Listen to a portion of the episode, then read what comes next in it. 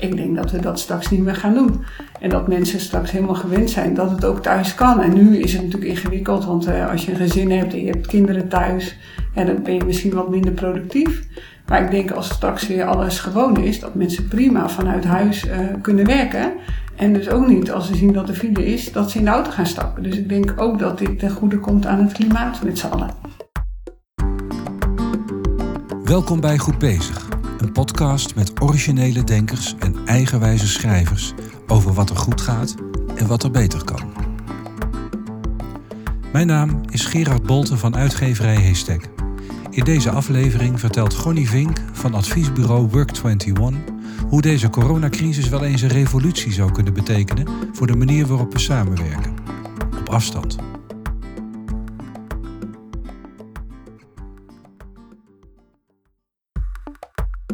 Gonnie Vink is de oprichter van Work21, dat bedrijven helpt om met behulp van digitale middelen slimmer samen te werken. Ooit moesten bedrijven uitleggen waarom ze dat deed. Ze schreven er zelfs een boek over. Leiding geven op afstand. Maar sinds de coronacrisis snapt plotseling iedereen wat ze bedoelt. We gaan anders werken en managen.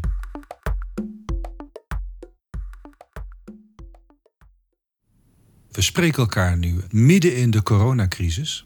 En we spreken elkaar dus niet persoonlijk live. We zitten niet tegenover elkaar. Ik zit in mijn kantoor. En volgens mij zit jij in jouw kantoor. Ja, dat klopt Gerard. Ik ben uh, uh, op kantoor in Groene Kan in ons mooie landhuis. En uh, ik heb me wel teruggetrokken in een, de torenkamer op zolder. Omdat het daar qua geluid goed is. maar in het landhuis ben ik vanmiddag echt de enige. Dus er is hier helemaal niemand. Ik heb het rijk voor me alleen. Maar je hebt een heleboel collega's. Jazeker, maar die zitten allemaal thuis. En uh, vanmorgen waren er wel wat mensen hier binnen. Dus ik heb twee mensen gezien. Op afstand uiteraard. Maar uh, de mensen van Work 21 die zijn allemaal vanuit huis aan het werk. Hoeveel collega's heb je? Wij zijn met 17 mensen binnen Work 21. En allemaal thuis aan het werk? Allemaal thuis aan het werk. Ja. Gaan ook niet naar klanten toe? Nee, gaan niet naar klanten toe. Nee, nee, nee. En de mensen uit Brabant die zijn al een paar weken thuis. De anderen vanaf twee weken of tweeënhalf week nu. Maar die waren al eerder gestopt. En wil dat ook zeggen dat, dat Work21 op zijn gat ligt? Of gaat het werk wel een beetje door? Nee, eigenlijk hebben we het gewoon heel erg druk. Want uh, heel veel van onze klanten die, uh, moeten nu opeens haast maken met uh, digitaal werken en op afstand werken. En we merkten eigenlijk de eerste weken dat de dingen werden afgezegd en dat dingen werden uitgesteld. En iedereen had zoiets, oh, hoe moet dat? En we zien eigenlijk nu dat iedereen bedenkt van, hé, hey, dit is wel het nieuwe gewoon voorlopig. Dus hoe gaan we dit doen met elkaar? Dus we hebben best druk. Ja, je bent de oprichter van Work21, maar je hebt zelf niet echt een IT-achtergrond. Je hebt ooit een studie wiskunde en tekenen gedaan. Dat moet je even toelichten. Ja, grappig en dat vragen heel vaak mensen. Ik heb inderdaad een leraaropleiding gedaan ooit, want ik wilde het onderwijs in. En ik heb wiskunde en tekenen gedaan. En uh, ja, dat lijken misschien heel verschillende vakken, maar voor mij zit het eigenlijk heel dicht bij elkaar. Want wiskunde gaat over analyseren, dingen goed begrijpen en doorgronden. En dat gaat ook vaak over complexe vraagstukken. En tekenen gaat natuurlijk wel over creatieve processen, dingen bedenken. Maar dan moet je ook wel goed snappen hoe het in elkaar zit. Ik vind bijvoorbeeld mensen tekenen heel leuk. Maar dan helpt het natuurlijk ook weten als je goed weet hoe de verhoudingen in elkaar zitten. Dus het versterkt elkaar. En daar heb ik nog steeds elke dag lol van. En hoe ben je dan toch van daaruit in de IT beland? Ja, toen ik uh, afstudeerde, was het uh, sowieso helemaal hip om de IT in te gaan. En bij wiskunde was ik de eerste lichting die informatica had. Dat was toen voor ons een uh, nieuw vak. En ik weet nog wel dat we dictaten hadden die met de pen, blauwe pen waren geschreven. Hij is niet te lezen. En dat kun je nu niet meer voorstellen. Maar uh, het was toen nieuw. En daarna ben ik de automatisering gegaan. En op een dag heb je Work21 opgericht. Kun je vertellen wat je daartoe heeft aangezet? Want Work21, werken in de 21ste eeuw. Je had een idee van dat gaat allemaal anders worden. Wat, wat was jouw beeld daarbij en is dat uitgekomen? Ja, voordat ik bij, uh, met Work21 ben gestart, heb ik uh, bij uh, IT-bedrijven gewerkt. En daar is het startpunt natuurlijk altijd technologie. Dus dan ga je kijken naar hoe technologie dingen voor je kan oplossen. Maar ik dacht eigenlijk toen al van ja, maar daar gaat het natuurlijk uiteindelijk helemaal niet over. Het gaat over hoe mensen technologie gebruiken om hun werk makkelijker, leuker, aantrekkelijker te maken. En dat is de reden waarom ik destijds met Work21 ben gestart. Om echt vanuit de mens en vanuit de organisatie te kijken hoe technologie kan helpen in een andere manier van werken. En uh, nu natuurlijk uh, nog steeds veel belangrijker dan dat het ooit was. Ja, wat gaat er veranderen?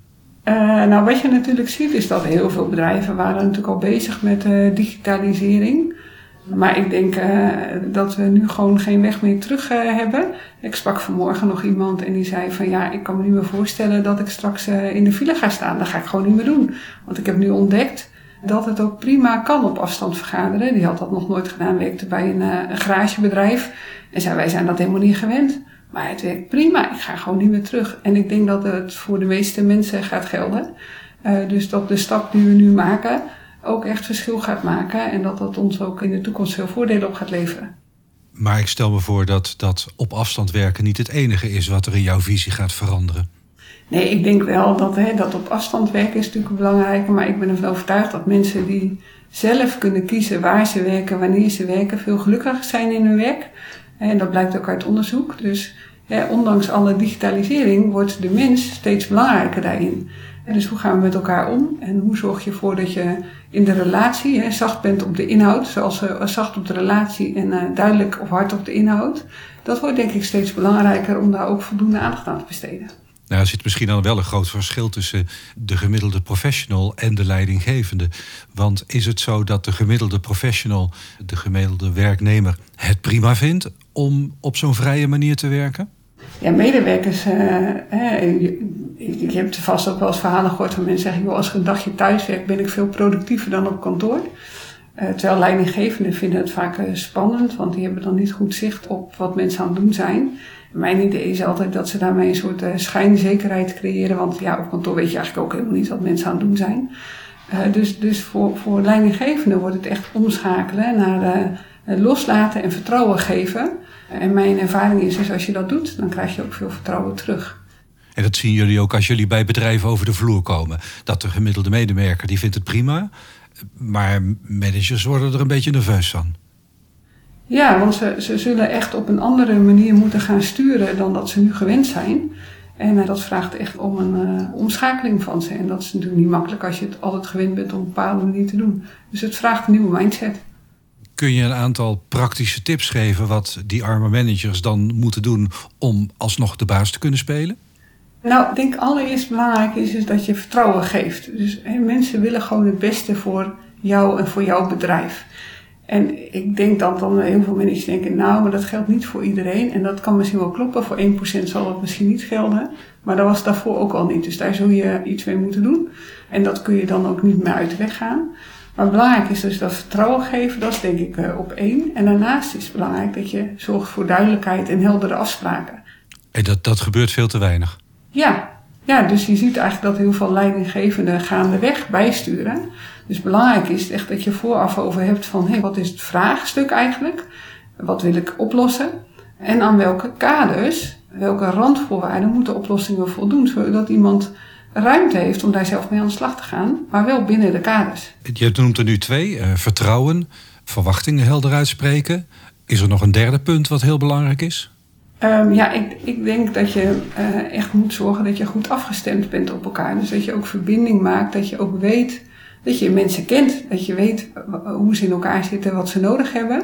Maar dat je die vraag ook stelt aan medewerkers. Heel veel leidinggevenden vragen nooit: wat heb jij nodig van mij? Uh, uh, want ze denken misschien wel, dan krijg ik iets te horen wat ik helemaal niet kan bieden. Maar die dialoog met elkaar opzoeken, wat heb je nodig om je werk optimaal te kunnen doen, dat is natuurlijk ook belangrijk dat je dat met elkaar doet. Zonder je te willen plagen hoor, maar zijn dit eigenlijk niet heel basale kenmerken van elke goede manager, vroeger en nu? Ja, dat denk ik ook. Ik krijg ook vaak te horen van, goh, feedback, waarom is dat dan nu zo belangrijk? Dat geldt ook voor deze thema's. Alleen ik denk als je meer op afstand met elkaar werkt, dan wordt het veel duidelijker en veel explicieter. En heb je er veel meer last van als je dat niet goed regelt met elkaar. Ik hoor bijvoorbeeld vaak van leidinggevenden dat ze zeggen, ja, uh, hoe hou ik nou contact? Uh, hoe zoek ik verbinding? En dan zeg ik nou bel gewoon. Ik bel iedereen uh, geregeld op. Dus ik heb in mijn hoofd een lijstje van alle mensen van Work 21. En als ik even iemand niet gesproken heb, dan ga ik gewoon bellen. En niet omdat ik een inhoudelijke vraag heb, maar gewoon omdat ik benieuwd ben hoe, hoe het met die persoon gaat. Dus dan hebben we een gesprek over, niet over werk, maar over andere dingen. Uh, en dat zorgt ervoor dat je weet waar is iemand mee bezig, wat is belangrijk, zodat je daar ook op kunt afstemmen. En dat doen leidinggevenden vaak niet. Dus het vraagt veel meer expliciet nadenken over hoe hou ik verbinding en hoe zorg ik ervoor dat ik weet wat er speelt en wat er nodig is. Betekent dit ook een soort van dat in dit nieuwe digitale tijdperk dat het kaf van het koren wordt gescheiden? Dat managers die hier niet toe in staat zijn, die misschien vroeger het best redden in de organisatie, nu door de mand vallen? Ja, ik denk dat die wel een uitdaging hebben. Want ehm, ehm, eh, als je alleen maar stuurt op de inhoud en uh, eigenlijk niet op verbinding, dan weet je helemaal niet wat er speelt bij mensen. En dan heb je daar gewoon last van. En dan kan het zijn dat je mensen kwijtraakt. En dat is natuurlijk zonde. Dus het is wel, denk ik, voor een heleboel managers een grote uitdaging om hier nu mee aan de slag te gaan. Ja, blijkt dat ook nu tijdens de coronacrisis? Wat ik zie is dat uh, leidinggevenden wel mee uh, worstelen. Dus dat ze het ook lastig vinden om dit soort dingen te doen. Dus dat contact te houden.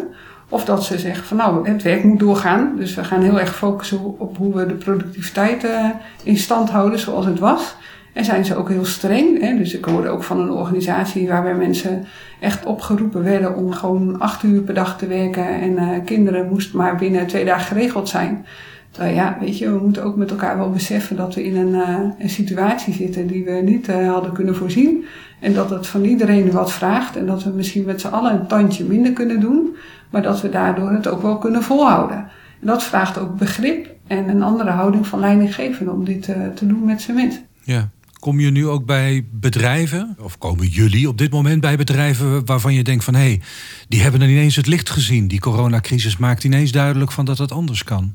Nou, ik vind het onderwijs wel een mooi voorbeeld. Ik had vanmorgen contact met iemand van een onderwijsinstelling en die zei, uh, ja, dit hadden we echt niet kunnen denken. Want uh, we waren daar al lang bezig om te kijken, kun je dingen op afstand doen, makkelijker doen. Nou, het was gewoon heel ingewikkeld.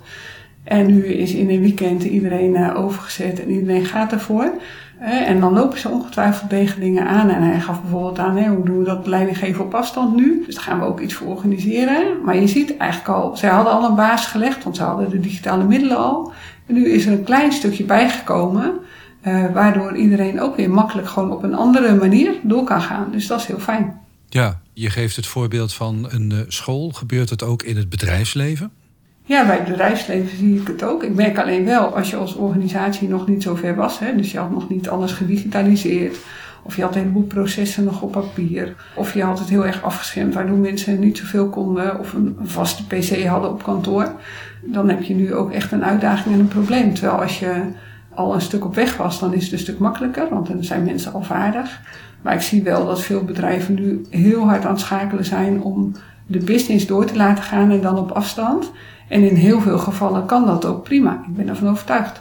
Kun je een indruk geven in welke mate denk je dat dat nog niet het geval is? Zijn er nu veel bedrijven die ja, geconfronteerd worden met het feit dat ze slecht geautomatiseerd zijn? Ja, ik kom wel bedrijven tegen die hebben dan oudere omgevingen of oudere systemen waar alles heel erg dichtgezet is. Hè. IT had uh, vroeger, nee, bij sommige bedrijven nog wel heel veel macht. Uh, en daarmee dus ook heel veel uh, afgeschermd. En je ziet dat mensen daar nu wegen omheen gaan zoeken die misschien niet zo veilig zijn.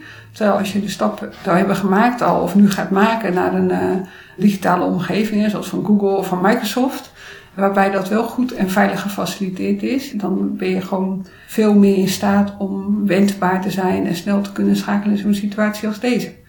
Ja, je noemt ook veiligheid. Is dat een groot probleem? We hebben daar voor de coronacrisis is daar veel om te doen geweest. Het feit dat veel netwerken niet goed beschermd zouden zijn, is dat nu ook een grote zorg? Ja, ik zie wel hè, dat, uh, kijk, als je systemen hebt die je goed hebt georganiseerd en geregeld, dan kunnen mensen daarmee werken. Maar als je dat niet hebt, dan zie je dat mensen willen gewoon door met hun werk. Dus hè, qua houding willen mensen heel graag. En mensen gaan dus zoeken op welke manier ze dat kunnen doen. Hoe ze kunnen samenwerken, hoe ze bestanden kunnen delen, hoe ze op afstand kunnen vergaderen. En als je dat dus niet hebt georganiseerd, dan heb je kans dat er nu allerlei dingen voorbij gaan komen waar je geen grip op hebt, waar je geen afspraken over hebt gemaakt met elkaar. En dat maakt het heel erg onbeheersbaar. Dus het is echt belangrijk voor bedrijven dat ze nu de stap gaan maken naar hoe willen wij digitaal samenwerken. Hoe willen we dat faciliteren en hoe doen we dat op een uh, verantwoorde manier? En dat, dat vraagt nu echt wel aandacht. Ja.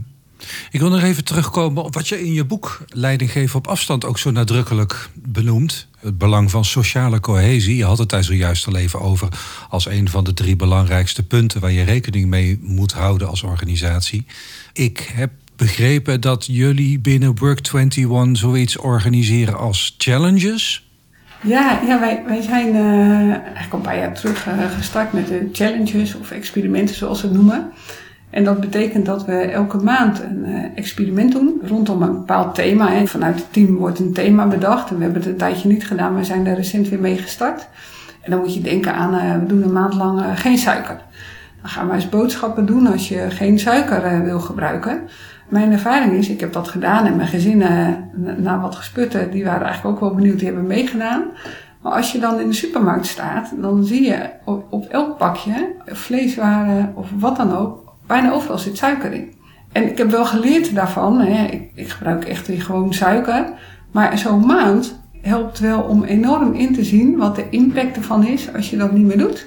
Eh, experiment is vrijblijvend. Je kunt meedoen, het hoeft niet. Je kunt maximaal meedoen of een stukje meedoen. Hè. Dat is wat we met elkaar hebben afgesproken.